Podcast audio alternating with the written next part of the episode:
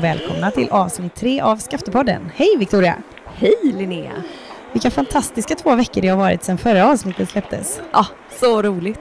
Vilken positiv respons. Vi är helt överväldigade verkligen. Mm. Det- Och, vi, och vi har ju sett också att Thomas, han har ju fått lite uppmärksamhet här. Han har fått med i Bohuslänningen och prata om eh, eh, båtsamverkan och... Ja visst, det är jätteroligt att hans fantastiska arbete uppmärksammas för att det har ju verkligen, eh, ja det är en stor förändring. Han är ju också med i, det finns ju ett avsnitt med Thomas i Snutsnack. Snutsnack. Mm, med Hasse Brontén, precis. Precis, Hasse Bronténs podd. Gå gärna in och lyssna på det, då får man veta ännu mer om eh, arbetet, hur det sker och sådär. På ett snutsnackigare sätt än vad vi kunde åstadkomma.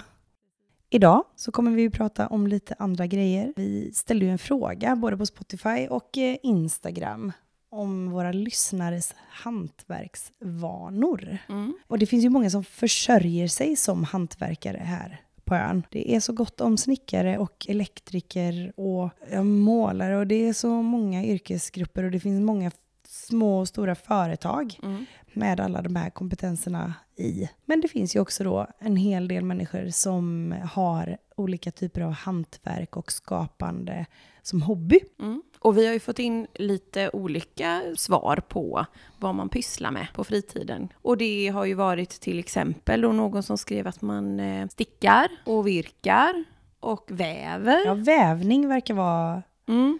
ganska utbrett. Mm. Och sen har vi också hela gänget som träffas minst en gång i veckan på Kvartsita och utför alla typer av hantverk som krävs för att hålla den skutan i skick. Mm. Och där är det ju träarbete och målning och lackning och nu ligger ju Kvartsita på varv så då är det ju folk som arbetar med den. Men det finns ju en stor gäng människor här som dyker upp och träffas, dricker kaffe, tjötar lite och gör det här hantverket. Så att om man inte kunde det från början så får man lära sig när man kommer dit och det är ju fritt fram för vem som helst. Så om man känner att man vill sysselsätta händerna och eh, bidra till någonting så är man alltid välkommen till Kvartsita.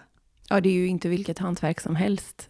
Vilken, Verkligen det inte. finns mycket historia i det hantverket. Mm. Själv då? Har du någon hobbyhantverk som du eh, drar igång med hemma? Ja, men det var ju lite så här, vi har ju pratat, vad är hantverk och vad är någon typ av Ja. kultursysselsättning? Jag vet inte, vad är podd då? Att podda, är det ett hantverk eller? Ja, eventuellt. Jag vet inte. Ja.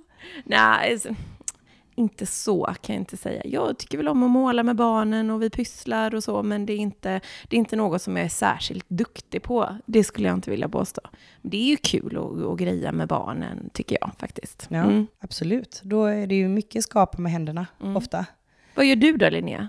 Eh, regelbundet gör jag ju inte riktigt någonting egentligen. Inte på det sättet. Jag tycker tydligen om att göra listor och gå på möten. Det är jag bra på. det är knappast ett hantverk. Jag kan ju sticka och jag kan virka och träarbete till viss del och sådär. Men annars så tycker jag, jag tycker väldigt mycket om alltså, att titta på andra som gör det här. Både ja, YouTube och andra sociala medier så kan man ju fastna och se på någon som drejar eller någon som eh, en stenhuggare som jag är väldigt fascinerad av. Ja. Och trähantverk och mycket sånt. Att Mm. se folk skapa saker med händerna är ganska hypnotiserande och lugnande. Men det är ju roligt att du säger just det här med att titta på när någon drejar. För att it kind of brings me back to när vi nu har varit och träffat eh, Johanna Berg. Och du har fått testa på att dreja. Ja, precis. För det fick vi beskåda då när du skulle ta dig an den här lerklumpen. Ja, och det var väl, eh, det kanske är mer lugnande att se på någon som kan dreja än vad det är att testa dreja när man inte kan det själv. Känslan jag hade när jag satt där vid drejskivan var väl kanske Kanske inte ett stort lugn.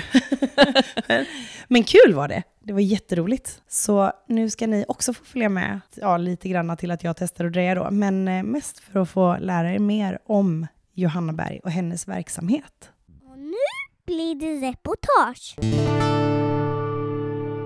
Jag heter Johanna Berg. Jag är född 96, så jag fyller snart 28 och jag bor på Ösö i Grundsund, eh, nere vid Grundsunds hamn. Hur kommer det sig att du bor här? Jag bor här därför att min sambo Johannes är uppvuxen i det här huset. Så därför har vi fått möjlighet att köpa detta huset.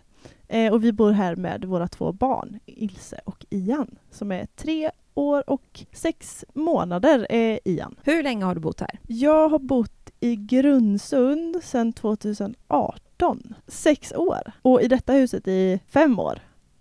Och sen innan 2018 så var jag en del här också. Eh, jag träffade Johannes, min sambo, när jag var Ja, det var för tio år sedan snart. Visst träffades ni när ni pluggade på Öckerö? Ja, precis. Jag och Johannes träffades när vi gick på Öckerö seglande gymnasieskola. Och efter det så gick vi klart skolan. Sen pluggade jag ett år i Uddevalla, eller två år i Uddevalla, till e-commerce manager. Och under den tiden så började jag väl småbo lite här i Grundsund.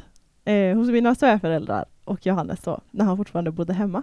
Sen så flyttade vi till vår första lägenhet och sen till detta huset. Vad var det som gjorde att det blev Grundsund? Alltså jag är från Åmål från början och där finns det inte så mycket räkor och skaldjur. Så att eh, det var svårt att byta fiske där liksom. Gädda eller eh, räkor, det, nej, då blev det hit. Och som av en händelse så är ju också din man fiskare då. Exakt! Ja, exakt. och Johannes eh, tillsammans med hans bror Emanuel har ju vi tänkt att träffa lite längre fram för att prata det här med eh, fiske på ön och så. så Att, eh, Exakt. vi kanske får möjligheten att lära känna Johannes lite längre fram här då i podden. Men det här med Öckerö är ju spännande. Det, det poppar ju upp lite här och var. Och Linnea, du har ju också en koppling till Öckerö. Ja, det stämmer. Jag gick ju faktiskt i gymnasiet här också. Eh, Dock född eh, tio år före dig, Johanna. Så att den skolan hann utvecklas en del då. Men vi har ju förstått att det är ganska många som bor här på Skaftö som har gått på seglande gymnasieskolan på Öckerö. Och inte minst så är det så att två som var med och grundade den skolan faktiskt bor på Skaftö. Så att eh, det finns många kopplingar mellan seglande gymnasiet på Öckerö och Skaftö. Ja, men nu står vi här i din källare Johanna. Hur har vi hamnat här? Ja, det har ju varit en, eh, på ett sätt en lång resa och på ett sätt en kort resa. Eh, men jag har ju fastnat helt för det här med keramik och drejning. Och när man verkligen fastnar för något, då vill man liksom kunna göra det hemma. Så att man eh, får det gjort. Så därför har jag helt enkelt riggat till lite här i källaren. Kul! Och vi har ju fått möjligheten att komma hit idag och prova. Linnea, du sitter och drejar för fullt. Hur känns det? Kladdigt! Det ser lite kladdigt ut, men det ser också väldigt härligt ut. Du har ju hållit på med det här ett tag. Drejning, några så här tre snabba korta tips. Vad kan man tänka på? Det viktigaste är att centrera leran riktigt ordentligt. Eh, och för det behövde jag väldigt, väldigt många timmar. Så det får vara tips två. Och tips tre, att bara köra. Nu när du sitter här Linnea och gör det här, så det ser ju plötsligt så ser det väldigt enkelt ut. Vad blir det? Det blir en liten skål. Oklart tror jag. Någonting som har eh, kanter. Men wow! Så något, ja visst. Jag är imponerad! Herregud! Riktig talang! Men då har du alltså satt upp din lilla keramik, eh, säger man verkstad, studio, eh, vad Ja. kallar du det? Ditt lilla... Eh, jo men jag vill ju gärna kalla det verkstad och studio men som ni ser är det ju väldigt litet och spartanskt. Men det är väl också skärmen att kunna göra det hemma och då får man ta det man har. Jag tänker då blir det gjort. Precis! Annars kan jag säga att hade det inte varit i källaren så hade jag inte fått någonting gjort med två barn och heltidsjobb och diverse andra grejer man ska hinna med. Nej men precis. Men du har ju hållit på med att göra den här keramiken ett tag nu, Johanna. Berätta lite mer om hur kommer det här till uttryck? För vi ser ju dig på Instagram. Vi ser ju att dina produkter dyker upp lite här och var. Berätta, har detta blivit en liten business eller? Ja, jag började 2020 när jag var föräldraledig med eh, mitt första barn, min dotter Ilse. Då började jag och så fastnade jag totalt. I och med att det var pandemi så kunde jag inte gå någon kurs eller någonting utan eh, jag gjorde helt enkelt så att jag köpte en drejskiva. Eller jag fick en drejskiva av eh, Johannes, min sambo, för han märkte hur mycket jag älskade det här. Så han bara, du måste ha en hemma. Så det var jättegulligt. Vilken fin present. Eller hur? Det var grymt. Och sen så, ja, jag satt här liksom varje kväll i perioder och eh, ville lära mig mer och mer och mer. Och i perioder då så har jag gjort väldigt mycket. Det var Josefin på Lyckans Slip som raggade med mig på första julmarknaden på Lyckans Slip. Och då tänkte jag, ja, men jag får väl chansa då. Så jag gjorde massa grejer eh, och testade. Och jag kom hem med liksom ingen keramik kvar. Allt Wow. var slut. Så att, eh, då tänkte jag bara, men gud, nu måste jag, nu måste jag köra på igen och göra mer och mer. Men vad är det du gör då? För vi, vi vet ju lite vad du gör, men berätta för lyssnarna då. Vad är det för typ av keramik som man kan se dig sälja på våra marknader? Eller, för du har en webbshop också? Precis, jag har en webbshop också. Eh, jbkeramik.myshopify.com där jag lägger upp det som brukar bli över från marknaderna. För att ofta så är det ju när vi pratar om det här med att man kanske inte har så mycket tid alltid så blir ju marknaderna en väldig morot för att det är så kul att få stå på de här lokala eh, marknaderna här. Så då brukar jag liksom komma in i lite flow och så har jag lite mer produktiva månader. Och sen så kör jag på och då brukar jag försöka, jag har väl försökt någon gång att tänka så här, nu ska jag göra sånt som jag tror säljer. Men eh, jag gör sånt jag tycker är kul att göra faktiskt. Och så tänker jag att om någon tycker att det är kul att köpa det så är det helt fantastiskt. Eh, men jag försöker göra grejer jag tycker det är kul och roligt och vill liksom lära mig. Till exempel att göra, lära sig göra handtag på en mugg. Det tog ju typ två år innan jag knäckte den koden. Eh, så därför då, då tyckte jag det var skitkul så gjorde jag liksom 60 muggar med handtag. Kul! Ja. Wow! Så muggar, jag har gjort granar som är liksom inredningsdetaljer typ till jul och jag försöker lära mig att göra tallrikar och assietter nu. Ja, men jag har väl gjort lite utav varje, försökt gjort lite säsongsgrejer och blandat. Jag vet att det finns mycket JB-keramik i husen och hemmen här på Skafte. Så ja, Ja, det är den dyker jättekul. upp här och var och det är väldigt Ja. fint, den lokala anknytningen. Och... Jätteroligt, det känns fortfarande helt orimligt att eh, mina saker är hemma hos andra människor och används. Liksom. Det är jättekul. Men det är ju spännande det här med att vara kreativ för det, det föder ju ofta annan kreativitet eh, och inspiration tänkte jag prata om. För Johanna, you strike us som en person som har mycket du har mycket för dig, för det är inte bara keramiken som du eh, håller på med. Du gör annat också. Eh, Ja. Och vart får du inspirationen till det här? Nej men eh, jag är kreativ som person, har alltid eh, varit. Men det kommer ju, kreativiteten kommer ju när jag har förutsättningar eh, på andra håll i, i livet liksom. Att leva och bo här i Grundsund, är det ett sätt som liksom tillgängliggör inspiration? Ja, det är det. Därför att det är ju när man har en lugn och liksom härlig vardag, det är då det kommer. Så att leva så här nära naturen och framförallt havet är nog det som gör att kreativiteten liksom fortsätter att sprudla fastän man har mycket med vardagen i livet. Du har lite andra saker på gång här eh, på ön också. Vad är det? Ja, jag gör ju lite olika grejer. Jag älskar ju att träna, eh, så jag sitter med i styrelsen på, i Skafte Goif och är även ledare för pass där, så det älskar jag. Vad är det för typ av pass? Det är ju alltså helt otroligt, föreningen har ju nästan alla typer av pass. Det är ju sju pass i veckan. Wow. Eh, så det är ju vanliga medelpulspass, tisdag, torsdag. Torsdagar är cirkelgympa, vi har barngympa, det är yoga och sen är det pass på förmiddagarna. Så när jag jobbar då kan jag inte gå på dem. Men eh, det, är lite, det finns gott och blandat att göra. Vi kommer ju göra ett besök i våran Bottnahallen, våran stora fina idrottshall här på ön, så småningom och prata lite mer goif och så. Vad är det för pass som du håller i? Jag håller i ett cirkelpass på torsdagskvällarna nu eh, tillsammans med Margareta Down. Och under hösten nu när jag var föräldraledig så höll jag även i ett pass som jag kallar pärongympa. Ja, så kul! Ja, som är för föräldrar med, eh, med barn. Och det var enkelt. en ganska god uppslutning. Det var det verkligen. Det var nog 80 procent av de som var föräldralediga som kom på det, så det var fantastiskt roligt. Och just nu är det ju ganska många som är föräldralediga. Det har kommit en hel del barn på ön senaste året får vi väl säga. Verkligen jättemånga. Kul när det händer saker. E-handelsbranschen, det känns som, är det eh, kompatibelt med att bo längst ut i eh, kustbandet på en ö? Går det ihop sig? Ja, men det blev jag lite rädd för att det inte skulle gå eh, när jag började på den utbildningen. Eh, men jag fastnade så mycket och älskar verkligen hela den branschen. Så jag tänkte bara, jag måste hitta ett jobb. Och som av en slump så blev mitt första jobb e-handelsansvarig på Mercury-delar, hette det då. Eh, nu är det ny ägare, men det drevs ju ut på marinan på Grundsund. Precis. Eh, så det blev mitt första och det var ju typ 500 meter från där jag bodde. Så det var ju nästan för bra för att vara sant. Så där var jag ett tag.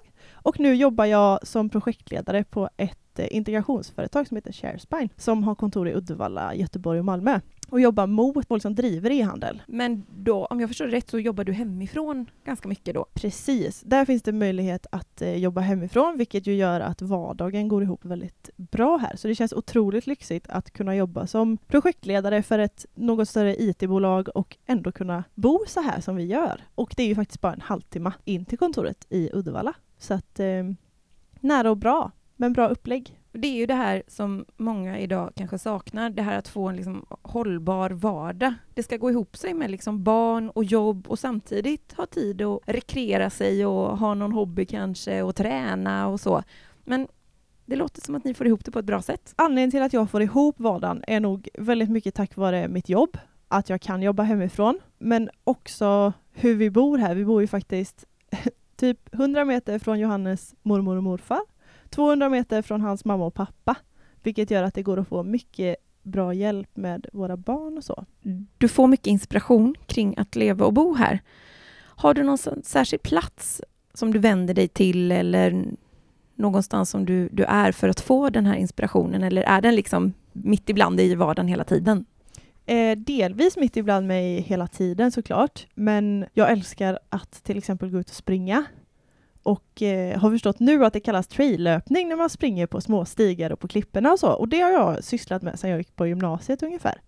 Fram och tillbaka och det skulle jag säga är en stor, det är liksom en favoritplats om man skulle, men det, då springer man ju överallt så det är ingen plats så. Men om jag känner mig nere och behöver liksom vända mitt humör, då går jag ut till Horsäcka högst upp och helst om det blåser mycket. För då känns det som att allt jobbigt bara blåser bort och eh, man tittar ut på havet och så mår man bättre. Mm. Horseka är ju en fantastisk plats med, ja, vilken vy att stå uppe på Påskefyrsberget kanske. Exakt. Mm.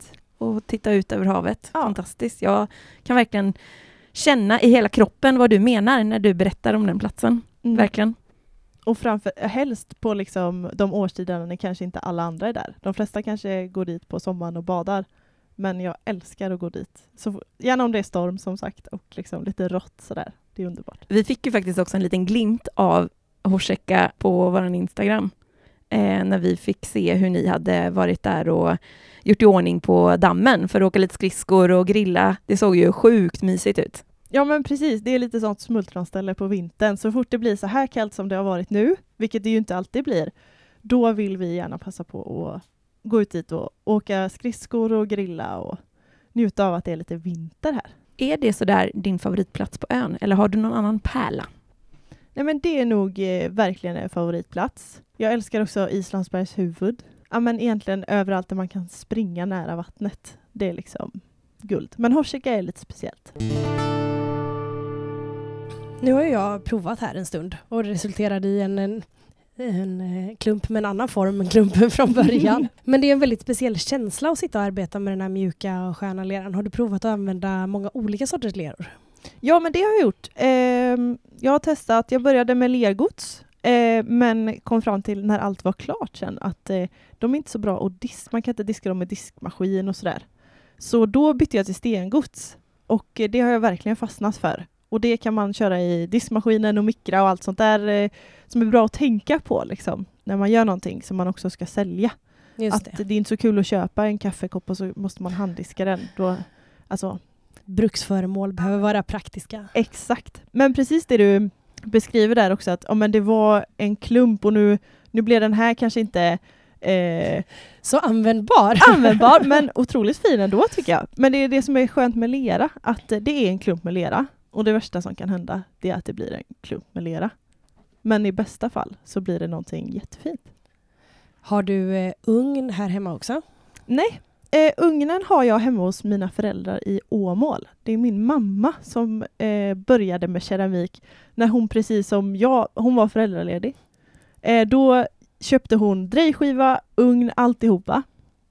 Eh, och typ två ton lera. Min pappa var något eh, överraskad när han såg den lastbilen eh, rulla ner för backen.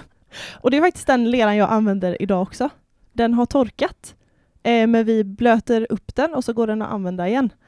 Ehm, men ugnen står där då och det gör ju att jag kör med mina alster till Åmål och bränner dem tillsammans med mamma. Och det är faktiskt fantastiskt roligt att vi har det tillsammans. Det förstår jag verkligen. Mm, Så det här har funnits i ditt liv tidigare? Eller är det, men intresset kom inte förrän du själv var föräldraledig? Precis, alltså den, den drejskivan och ugnen har ju stått i källaren hela min uppväxt. Och jag tror aldrig jag har testat, kanske någon gång när jag var liten, liksom, att jag har lekt med någonting. Men jag liksom såg det inte förrän jag själv var föräldraledig och hängde väldigt mycket hos mina föräldrar då. Och sen var jag bara helt fast. Det är lite speciellt, tänker jag, som själv har två små barn, att skaffa ett nytt intresse när man blir av med all sin fritid. Hur eh, tänkte du där? Jo, det var ju kanske lite otaktiskt så. Det hade varit kul om man hade kommit på detta några år tidigare. nu inser man ju hur mycket fritid man hade då. Alltså jag tycker faktiskt att, eh, att få barn, det gör att man prioriterar det man verkligen, verkligen vill och vad som faktiskt är viktigt och ger en någonting. Eh, och jag mår bra av att göra något kreativt och jag mår bra av att röra på mig. Och det är det jag försöker prioritera faktiskt. Det är jättespännande att du säger just det, för så har vi också resonerat ibland. Eh, vissa dagar känns det som tiden absolut inte räcker till till något annat, men att när man också har små barn och fullt upp i vardagen, så tro det eller ej, så kan plötsligt kreativiteten bara flyga på en. Jag tänker, det är ju så vi har pratat ibland om hur vi har hamnat här i podden till exempel. Eh, så det är spännande att se det här att det är inte alltid så att man får mindre tid, man blir bara bättre på att använda sin tid. Eller hur? Verkligen. Det finns ju hur mycket som helst att ta sig till och göra och ta del av och bara ditt engagemang i, eh, i gymnastiken här är ju, tar ju också en del tid, tänker jag. Ja men det gör det, det gör det. Eh, men det är också roligt att få ja, men göra någonting för det här samhället också. Man vet hur mycket folk tycker om att gå på de här passen, barngympan, allting, det bidrar ju så mycket. Och då, det blir också ett större syfte till att det är värt att, att lägga tiden. Och vi har också delat upp det väldigt bra nu i styrelsen och så med att det man är bra på, det är det man får hjälpa till med. Så jag sitter med hemsidan och, och sådana saker som går lätt för mig att göra. Så, men då har du provat med lite olika typer av leror, men tekniker i övrigt då? Vad, det finns ju en del prylar förknippade med drejning, tänker jag. Det här har vi ett, eh, på bänken här där vi står så finns det ett lite lerkladdigt kärl fullt med olika pinnar och eh, slevar och eh, handredskap som man förstår har att göra med hur du ska forma de här olika föremålen du drejar. Är det någon teknik som du försöker lära dig just nu? Nu vill jag gärna lära mig att göra tallrikar. Och det är ganska svårt för att i och med att de är platta så är risken ganska stor att de spricker. Um, så det är mitt nästa mål, att jag ska ge mig på det. Eh, jag har gjort några mindre grejer, men eh, det är då de här verktygen kommer in lite i bilden också. Eh, för först drejar man ju föremålet på plattan. Sen tar man av det. Och sen låter man det stå i ett dygn ungefär. Tills det är, det kallas läderhårt, alltså det är så halvhårt så att det fortfarande går att då plocka fram sina verktyg och trimma. Det heter att beskicka eh, alstret. Men att man trimmar till det liksom. Det är ett enklare ord att förstå än beskicka. Och efter det, då, är det ju, då skickar man ju både insida, utsida och topp och botten. Ofta om man kollar på någonting som är handgjort så, eller inte handgjort så har det ju som en fotring under. Och då måste man ju vända på alstret och alla de där momenten är som gjorda för att paja saker. Så man får ta det vackert och ha bra verktyg. Och sen så ska det torka ytterligare två veckor innan man bränner det första gången. Och sen bränner man, sen glaserar man alstren och sen bränner man dem igen. Och efter det är de klara. Så det är en eh, hobby du visserligen alltid kan gå ner och sätta dig och göra för att leran och eh, drejskivan finns. Men eh, du är, produkten är inte färdig. Det tar många veckor då. Ja, väldigt många veckor. Alltså, och det är därför jag ofta sitter i perioder och gör. Så att jag har mycket och så åker jag till mamma och bränner och glaserar och fixar allt för att eh, det tar lång tid från att man börjar tills det är färdigt.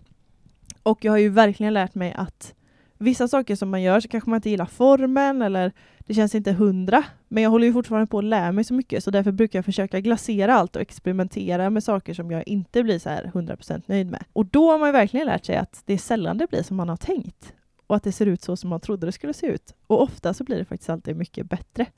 Så att det är väldigt roligt att man inte vet och jag tror att det är det som gör att jag gillar det här också för att man kan typ inte ha prestationsångest. För det finns ingen möjlighet att veta exakt hur det blir. Man kan inte ha kontroll och det är väldigt, eh, det är väldigt skönt och befriande. Jag kan tänka mig det. Det finns en del andra redskap och verktyg här nere. Vi ser att du har eh, någon våg, så jag antar det för att du ska kunna göra lika jämna produkter om man gör muggar och så. Men speglarna som står här, vad, ja. vad använder du dem till? De är till för att de sätter man runt drejskivan så att man kan se det man gör från olika vinklar medan man drejar. Då är det lättare att se, när man sitter, då sitter jag ju från en vinkel och tittar snett uppifrån eh, på det, eller rakt uppifrån. Men har man en spegel då så har man möjlighet att se formerna på ett mycket bättre sätt. Och sen brukar jag i regel, det har jag inte framme nu, men jag brukar i regel alltid ha ett stativ med kamera också. Så att jag filmar, för jag tycker om att göra lite goa filmer till Instagram och sånt. Just det. Och där finns du Ja. under namnet JB Keramik. Exakt. Och där kan man gå in och se hur det ser ut när du sitter här Ja, och exakt. skapar dina alster. Ja, Och det är en lite speciell plats här som du har nu där vi har ställt eh, och så tittat på drejhjulet som står eh, under trappan här Exakt. i källaren. man tager vad man haver och så försöker man maximera ytorna till allt man tycker är kul. Så det är inte en speciellt skrymmande hobby. Man behöver inte väldigt mycket utrymme. Nej men faktiskt inte. Sen är ju en del av det är ju att jag har ju inte ugnen här och inte glasyrerna här. Eh, det tar ju lite mera plats. Och är också den dyra delen av att hålla på med keramik. Det är ju ugn eh, och så. Men eh, just drejningen, alltså det kan man verkligen verkligen ha hemma. Och det finns ju olika, det finns ju riktiga drejskivor men det finns också lite billigare som man kan ha bara. Den, den här har jag köpt bara för att kunna lära mig. Hur ser inlärningskurvan ut då? Det är ju, eh, jag provade här och först blev det någon slags skål och sen kunde jag inte sluta pilla och då, blev det, då pillade jag för mycket och då gick det sönder. Det är klassiskt. Man, kan inte, alltså man, slut, man måste lära sig att sluta i tid. Har du flera som har varit här och provat? Nej, det är mest släkt och vänner Mm. som har varit här och testat. Drömmen vore ju att kunna få tag i någon typ av lokal där jag hade kunnat hålla till. Eh, jag tror att folk hade tyckt att det var otroligt roligt. Och jag har fått förfrågan om kan du inte hålla kurs så kan vi inte hitta på något större. Eh, men där är det ju lite svårt med lokaler. Men vem vet vad som väntar i framtiden? Det ser ju ut som att du kan ta med dig den här eh, utrustningen till andra platser. Har Ja. du eh, varit någon annanstans här på ön och drejat? Ja, jag har faktiskt suttit lite bakom en sjöbord här under sommaren för att få lite, ja men det är väl också lite kreativitet och inspiration. Eh, och även suttit utanför här bara på gatan när det har varit soligt och bra väder. Eh, också för att min dotter skulle vara med och hjälpa till. Och då tänkte jag att nu minimerar vi kladdet så vi går ut. smart. Mycket smart. Ja. Och hur verkar det då? Hade hon något intresse för det? Tyckte hon det Ja, var men- roligt? Ja, hon tyckte det var jättekul. Och hon brukar faktiskt, när hon är med mig när jag drejar, då brukar hon hjälpa till just när jag centrerar, så hjälper hon mig att trycka ner leran. Så hon har liksom sin lilla uppgift. Eh, och så har hon ett eget litet bord med eh, annan lera som hon brukar få greja med under tiden. Mm. Smart. Lera är ju ändå någonting barn brukar uppskatta och leka med på olika sätt. Verkligen. Och det är väl det man känner lever kvar när man testar att dreja första gången. Då får man tillbaka den där känslan av att det är rätt gött att vara lite kladdig och ja, hålla på och leka med lera. Mm, målet nu så du tallrikar och assietter och platta föremål. När är nästa marknad du ska vara med på? Ja, jag brukar alltid komma på att oj, just det, jag ska stå på marknad om tre månader och så får jag göra ett hetsryck. så jag ska försöka ha lite bättre eh, framförhållning nu. Jag har missat den marknaden som har varit på sommaren. Jag har inte stått på skaftedagarna, men det kanske är någonting för 2024. Just det. Och sen höstmarknaden, som Destination Skafte anordnar. Och julmarknaden på Lyckans Slip och även julmarknaden på, i Grundsund vore ju kul att vara med på också. Sen Just vet det. man aldrig hur mycket man hinner med, men man kan ju försöka. Ja, visst, och nu är det ju början av februari och skaftedagarna brukar hållas precis efter midsommar så du eh, har ju en stund till på dig då innan du behöver göra det här panikrycket. Exakt, det är nu jag ska börja egentligen. Men vad roligt! Då vet våra lyssnare var de kan vända sig för att se dina alster och vad de kan titta på Instagram för att se hur du skapar det du gör. Precis. Tack så jättemycket för att vi fick komma hit och se din verksamhet. Tack själva. Ja, det var ett roligt möte att få landa i Johannas källare. Kul! Driftig människa och kreativ. Verkligen härlig. Inspirerande. Och eh, om man nu kan känna ett lugn av att dreja eller hantverka så leder det in oss på det här avsnittets Skaftet C65, vi som bor här året runt. Jag heter Johan Linderholm. Hur och vart på Skafte bor du? Vi bor på norra Skaftö i eh, området Evensås. Och hur länge har ni bott där? Ja, nu ska vi se. Och vi byggde hus 21, så det är väl snart tre, fyra år. Och innan dess så firade vi alltid somrarna i Grundsund, så att eh, det var tre år på heltid. Och när du säger vi, vilka är det då? Ja, det är jag och min fru, Emily, eh, Harry och Doris, katterna och hästarna. Jobbar du här på Skaftö eller? Jag jobbar inne i Skredsvik, så att eh, 25 minuter med bil på morgonen in till basen. Mm, Okej. Basen som... Eh, Gullmarsbasen. Gullmarsbasen. Och eh, när du inte är i Skredsvik på Gullmarsbasen då? Vad, gör, vad hittar du på då? Hur ser, hur ser dagarna ut? Ja, som jag nämnde, att frun är hästmänniska. Så givetvis hjälper man till där eh, och runt omkring verksamheten kring det. Eh, vi har ju byggt ett hus här, så det har, de här tre åren så har det varit ständigt pågående projekt. Och när det inte är något byggprojekt eller hästarna så försöker jag ta tillfälle att träna och bege mig ut i naturen här på ön. Hinner även med lite golf ibland. Det låter härligt. Ja, Varför är Skafte din plats på jorden? Varför vill man bo här? Ja, varför vill man bo här? Jag tycker att vi kan ta naturen är ett exempel. Det är ju fantastiskt av närheten till klippor och eh, havet.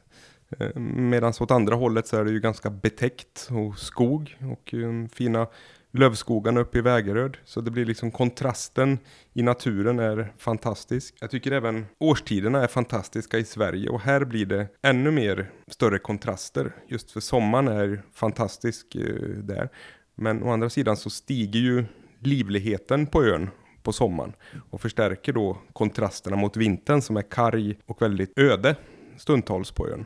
Och de här kontrasterna är lika fantastiska tycker jag som själva klimatet eh, varierar. Så stillheten och lugnet på vintern, även om det är mörkt och kallt och kargt, så är det lika fantastiskt med sommaren med eh, energi och eh, liv på ön. Så kontrasterna och naturen är det som jag tycker är mest fantastiskt här. Hur skulle du vilja se att Skafte utvecklas? Den är ju ganska svår och man säger utveckla så betyder ju det i vissa hänseenden att man ska bygga saker och ting. Och jag givetvis ska står man still så utvecklas ju ingenting. Men utvecklingen måste ske med hänsyn till i alla fall de värdena jag tycker är värda att bevara här ute som jag sa just kontrasterna och naturen så det får gärna ske utveckling men hela tiden ta hänsyn till och bevara det som är unikt. Så det är en balansgång där som är svår skulle jag säga att, och det är ibland kanske utveckling får stå tillbaka för att bevara. Skaftö sägs vara västkustens pärla. Men vilken är din pärla här på ön? Jag vet inte om jag vill avslöja det. Eller jag kanske bör eh, göra det ändå. Ja, jag har ett, eh, jag har egentligen två eh, smultronhål som jag brukar bege mig till. Den ena är uppe i Vägeröd så finns det en jättelång backe. Och är man i hästbranschen som jag delvis är så kallas den för galoppbacken. Att i april-maj springa tunga backintervaller där, upp och ner, det är fantastiskt. Men just att det är helt öde, man är helt själv och ljuset i det här lövverket som spricker ut, det är helt magiskt. Jag håller med dig, det är en fantastisk plats. Just för Mm. backintervaller också, så att vill Ja, jag, det vet vill jag jag betona. inte. Så att, Det eh, vet jag inte om jag håller med. Eh, och det andra är att bara gå ner för här från Evensås ner mot havet och eh, nu är det Rödberget eller vad kan det heta? Klippan och just den där bänken som någon har byggt där uppe. Att egentligen bara sitta där. Behöver inte ha med sig någonting. Vad ser man när man sitter där på den bänken? Vad tittar man ut på då? Jag ser hela Gullmarsfjorden hela vägen in till jobbet i princip. Jag ser Lysekil, jag ser solen eh, och jag ser Fiskebäckskil i inloppet. Man ser allt känns det som. Och när man ser allt det där, hur känns det då? Ja, men det blir ju som att allt annat försvinner i omvärlden. Det är krig och elände och det är räntor och det är miljöförstöringar och det är krig i världen. Men just där när man sitter där då kan man liksom bara släppa alltihopa. Nu är det allt för sällan man går och sätter sig på bänken där och tittar ut. Det är ju nackdelen med att ta det så fint in på knuten. Men de tillfällen man tar dem så är det värt det. Stort tack Johan för att du var med i Efterpodden. Tack! Ja, den där bänken på Rödberget låter ju som en plats man eh, besöka någon Ja. gång. Ta mig dit nu. Ja, verkligen. Eh, och det var ju egentligen det vi hade att säga idag. Nästa avsnitt som kommer ut 21 februari kommer eh, fokusera på framtidens invånare, Mm. Precis. nämligen barnen. Mm. Och du har ju eh, samlat på dig tre barn nu. Ja, precis. Ja. I lite skilda åldrar, eller för de är sex och åtta. Och så den minsta som bara är ett halvår drygt. Mm. Vilka platser på ön är barnens favoritplatser? Ja, men det finns ju många platser som vi är runt på. För det första så är ju Skafta en väldigt barnvänlig plats. Det är ju lugnt och det finns mycket utrymme och barnvänliga platser och miljöer. det känns väldigt tryggt att vara runt med barnen. Och även om man kanske har då tre barn som man ska ha koll på, så känns det som, ja, det är en väldigt bra utgångspunkt för det första. Men vi är ju mycket nere vid eh, småbåtshamnen kan man säga och vid våran sjöbord. Det är en favoritplats där jag också märker att barnen slappnar av. Och det roliga med våran sjöbord och, och den badplatsen och bryggan där nere, det är ju liksom att dit kommer de andra barnen också som har mor eller farföräldrar som har sjöbord där eller eh, båt där. Och så hänger man ner vid sjöborden en dag så hinner du träffa rätt många och barnen träffar sina kompisar. Och, så det, det är en sån här favoritplats. Sen ska vi se hur det blir att springa runt med en ettåring där nere i sommar nu då, men det, ja, det har man ju gjort för så det ska nog gå bra den här gången med. Ja, säkert. Det låter ju väldigt mysigt. Som du säger, barnvänlig plats verkligen. Ja, för vad har du, vart hänger du med dina killar Linnea? Ja, de är ju, eh, när de frågar, de vill ju gärna gå ut på äventyr. Det är mycket sånt nu. Helst vill de gå ut på äventyr med dinosaurier, men Ja, just det just har vi det. inga. Det är väl det enda som inte finns på Skafter då? Ungefär det man- så. Det är väl det enda vi saknar egentligen här på den här ön. Din, dinosaurier. Nej men, alltså klättra i berg, kul. Hela skogen är ju en fantastisk lekplats.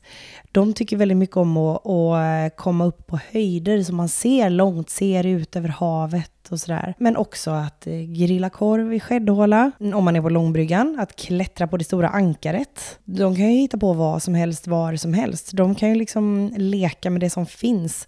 Eh, och sedan finns det ju ett helt gäng lekplatser som de stortrivs på. En liten sån eh, pärla är ju lekplatsen inne i Fiskebäckskil. Vid Mossebacken där Just det. finns det en eh, mysig lekplats med jättestor gräsmatta. Den platsen som väl är den härligaste att bara hänga på med barnen och familjen och så. En varm sensommardag på den långa sandstranden Bökevik i Mm. Fiskebäckskil. D- Man vill ju inte åka därifrån. Man får pausa ibland och, och äta matsäck och så, men eh, man vill ju vara där hela dagen. Det är ju en riktig pärla med barn alltså. Verkligen.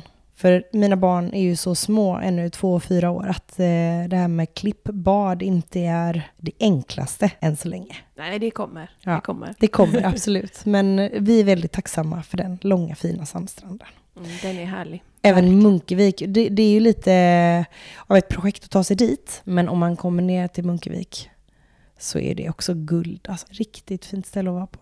Och det är ju lite det här du beskriver, de här platserna som kanske inte är så, nej men det är ingen lekplats som är liksom konstruerad för barn endast, men överallt på ön så finns de här platserna att vara med barnen, tillsammans med barnen. De bara finns där och det känns tryggt och det är fint och det är bra. Det är mycket vardags, eh, vad ska man säga, det är ju det här vardagslivet som blir i de här miljöerna. Bara det här att du beskriver hur dina killar klättrar på ankaret nere på långbryggan. Jag vet Mm. precis vad du menar. Ja, För så gör ju mina tjejer har gjort också. Liksom. Så att det är det här, ja, att bara vara i de här miljöerna. De är barnvänliga och barnen trivs här, det märker man på dem. Ja, och sen, vi, det är ju lite olika vilka aktiviteter barn roas av. Vad, för, vad föräldrar hoppas eller förväntar sig ska vara en rolig aktivitet det är ju inte alltid det som sedan barnen vill göra eller klassas som en rolig aktivitet. Eh, och min äldsta son, han tycker ju till exempel väldigt mycket om att springa bland sjöbordarna. Då vill han eh, till sjöbordarna vid Värbo som ligger liksom lite upp längs berget med smala vindlande gångar emellan. Men det är ju våran sjöbord. ja, Den ligger ju där. Precis. där älskar Ja. han att ränna runt. Och det är ju det barnen gör där nere. Och där har det ju blivit också lite så att ja, men de har lärt känna sin närmiljö. Det känns tryggt för dem att utforska det. Men de vet också var gränserna går och det här med att, hur man förhåller sig till bryggorna och havet. Och, Ja, och det gör ju också, eh, återigen nu, om jag ska bli någon slags ambassadör för den platsen, det var ju inte tänkt så, men det verkar bli det. Men St- Stockeviks lekplats har ju en liten sandstrand. vi kan Eh, döpa om den till Linneas ja. lekplats. Familjen Solmarkens lekplats. Det finns ju en liten sandstrand där. Inte så badvänlig, för det är ju liksom innerst i en småbåtshamn. Det är lite jurpigt och inte så Djurpigt. Ja. Så lite geggig botten och Ja. inte, känns inte så 100% ord. badrent. Men åh, vilken härlig liten, eh, tänk att ha fem meter strand vid lekplatsen. Det finns eh, brygga och fiska krabbor från om man inte vill gunga eller klättra eller eh, gräva i sandlådan eller åka rutschkana eller så. Så kan man gå runt på den där lilla stranden och plocka fjädrar och pinnar och drivved och strandglas och allt vad det är. Precis, för det är ju det här med att utforska havet och, och strandkanten alla tider på året. Det behöver inte alltid vara så att man ska bada, utan det är det här på med liksom rejäla galonkläder på barnen och stövlar. Och så kan de gå där och lufsa och utforska. Mina barn utforskade den väldigt väl med, med exakt hela kroppen nu för bara ett par veckor sedan. Kanske inte alltid det man drömmer om som förälder, men de hade väldigt roligt. Ja, men nu har ni fått höra lite hur vi tänker runt det här med våra barns platser på ön och sådär. Men vi tycker ju att det är kul att höra lite vad ni tycker och tänker. Då undrar vi helt enkelt, ni som har barn eller kanske barnbarn på ön, vilka är era platser dit ni brukar ta eh, era barn eller barnbarn då och vara och umgås med dem? Och vad gör ni där? Och vad är det som är bra med de här platserna eller platsen? Vi slänger ut en fråga på Instagram och på även Spotify. Ja, jag tror det. Ja, men det dyker upp eh, i sociala kanalerna, så fundera gärna och så svara där. Och även ni, vi har ju förstått att det är en del sommargäster som lyssnar på podden. Och var går ni med era barn? För att det skiljer sig säkert hur man tänker på det där om man bor här året runt eller om man bara är här när det är varmt och gött. Mm, precis. Så hörs vi igen Den 21 februari